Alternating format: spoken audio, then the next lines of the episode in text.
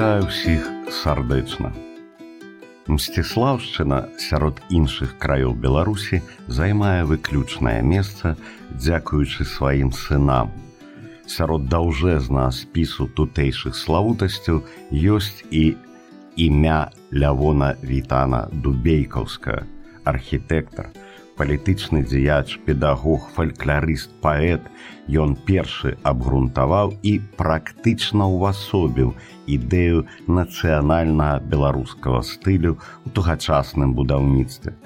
Бадай за ўсю нашу гісторыю два стагоддзя гэта адзіны дойлет, які застаўся цалкам не савецкім, але цалкам беларускім, які абгрунтаваў беларускасць свайго творчага метаду. Крыніцы сваёй нацыянальнай свядомасці ён называў сам. Маці, якая ніколі не цуралася роднай мовы, ды кніжачка Францішка Багушевіча, якую паказаў яму мсціслаўскі ксёнц. Яшчэ напрыканцы 19 стагоддзя, працуючы ў смаленску, Лявон Дубейкаўскі пачаў збіраць беларускі фальклор – Архітэктар пісаў па-беларуску вершы, пайкі, апавяданні, ліставаўся за рэдактарамі беларускіх газетаў. Дарэчы, тут згадаць, што дубейкаўскі карыстаўся выключна лацінкаю. Як і ягоная жонка, славутая мемуарыстка і паэтка Юляна Менке. Славутая байка, дубейкаўска цягне воўк пацягнуць воўка і верш бура увайшлі нават у літаратурныя хрыстаматы. Лявон Вітан Дубейкаўскі нарадзіўся фальварку Дубейкава ў класічнай шляхецкай сям'і гербу Вітан, што вяла свой старажытны радавод ад літоўскіх княжоў. У сям'і, як і мусіла быць, валодалі польскай і расейскай мовы па сканчэнні школы ім сціслаўскага павятовага вучылішча бацькі адправілі яго на вучобу ў варшаву. Варшаўская школа будаўнічых рамёстваў стала першым вакном у шырокі свет і першым крокам у архітэктуру. Адчуваючы брак адукацыі, у 1902 годзе дубейкаўскі едзе ў Пецярбург, дзе працягвае вучобу ў інстытуце цывільных інжынераў, які сканчае ў 1903 годзе ўжо з дыпломам інжынера-архітэктара. Пасля зноў вяртаецца ў смаленск і стварае ўласнае бюро. Ён прагне еўрапейскіх даляглядаў, ён прагне Парыжа. Тры гады вучобы ў парыжскай спецыяльнай архітэктурнай школе, эколь спецыяль d'архітэктуры, дзе ён атрымаў дыплом мастака архітэктара, канчаткова сфармавалі яго мадэрністам. Як Вітан Дубейкаўскі жыў у Паыжы, чым натхняўся, пра што марыў, застаецца пакуль таямніцу. Дзе б пазней не з'яўляўся Вітан Дубейкаўскі, свет дойледаў адкрываў яму ўсё новыя і новыя магчымасці.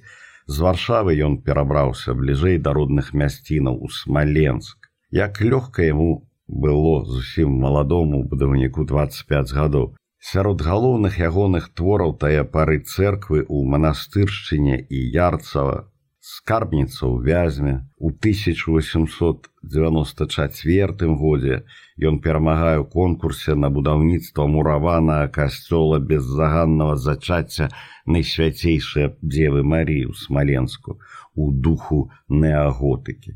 Вялікі дзвюхвежавы касцёл, таксама таямнічым чынам быў пабудаваны ў рэкордныя тэрміны всяго за два гады. А яшчэ у 1901 годзе дубейкаўскі будуе смаленскую фабрыку жалезабетонных вырабаў, а затым у арле фабрыку сельскагаспадарчых прыладаў. Тады ён ужо быў зрабіўшы дзясяткі праектаў жылых дамоў. На гэты ж перыяд прыпадае рэстаўрацыйны перыяд творчасці маладога дойледа.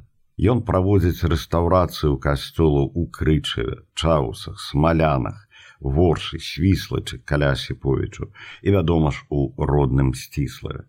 Пазней, жывучы ўжо ў вільні, ён кіраваў рэстаўрацыі многіх помнікаў, у прыватнасці кляштараў бернардынаў і францішканаў, што ацалелі, дзякуючы ягонай рупнасці. Набліжалася сусветная вайна У 1910 годзе дубейкаўскі варшаве, дзе працуе вядомай фірме Лільпопа і Янкоўскага і выкладае ў тэхнічна-прамысловай школе інжынера Пятроўска. Пасля закладае ўласнае бюро і становіцца сябрам кола архітэктув варшаве. Паводле ягоных праектаў была ўзведзеная фабрыка братоў рынгаў і шэраг даходных дамоў у варшаве. Этапную стала для яго праца над прыватным праектам палацавага ансамбля по вуліцы флора у духу еўрапейскага мадэрна. У 15 годзе ён зноў у арле пасля ў менску 16 петраградзе зноў у менску арле і нарэшце у 18 у варшаве дзе адчольвае беларускі нацыянальны камітэт тады ж паводле ягонага праекту быў пабудаваны будынак беларуская гімназія у буцлаве при гэтым паўсюль дзе б ён не быў ён праектуе і будуе заводы дамы сядзібы. Яшчэ ў восень 16 -го году, калі дубейкаўскі прыехаўшы быў у Пецярбург, ён атрымаў нечаканую прапанову ад ксяндза францішка будзькі зрабіць праект беларускага касцёла. Ксёнз францішак будзька, калі служыў у полацку, набыў фальварак у вёсцы янатруда пад горадам і пабудаваў там капліцу. Наступным крокам павінна было стаць будаўніцтва касцёла. Як піша сам дубейкаўскі, заданне было даволі цяжкое, бо ў літаратуры ані тэхналагічнай, ані архітэктанічнай пра беларускі стыль не было ніякіх згадак проект быў зацверджаны міністэрствам у студзені 1917 года але натуральна застаўся нереалізаваным пазней сам вітан дубейкаўскі напісаў спустя нейкага часу дачуўся што іксён з будзька ад рэвалюцыі ў цяжкіх абставінах расстаўся з гэтым светом гэтыя сумныя падзеі а также недаскончаная сімфонія архітэктурнай паэзіі абнялі мяне цяжкім сумам. Пазней дубейкаўскі ўсё ж рэалізаваў ідэю драўлянай святыні ў беларускім стылі. У мястэчку дрысвяты браслаўскага раёна, выкарыстоўваючы той самы праект для янатруды як эскіз ідэі. У гэтым касцёле святых Пятра і Павла Дубейкаўскі ўвасобіў цалкам все свае ўяўленне пра кампазіцыйныя і дэкаратыўныя адметнасці беларускай архітэктуры. Гэты прынцып быў абгрунтаваны дубейкаўскім і тэарэтычна ў працы эвалюцыя і рэформа дзяраўлянага будоўніцтва. Адольф Клімович у матэрыялах да біяграфіі дзячоў беларускай культуры і нацыянальнага руху адцеміў собскую тэхніку будавання, з дрэва выясніў дубейкаўскі ў падручніку будавання. Новая сістэма была ўхваленая ў 1923 годзе таварыствам архітэктараў у вільні. Брашура дубейкаўска была перакладзеная на польскую мову. Тым часам ён будуе царкву старавераў у відзах, факультэт мастацтва віленскага універсітэту. Сёння гэта акадэмія мастацтваў літоўская лясніцтва ў шумску падлясніцтва ў кене шэраг прыватных дамоў уласную сядзібу вільні на падгорны. Весь час ён не перапыняе выкладчыцкую працу. Яшчэ ў 19 годзе ён выкладаў на беларускіх настаўніцкіх курсах у горадні і ў вільні.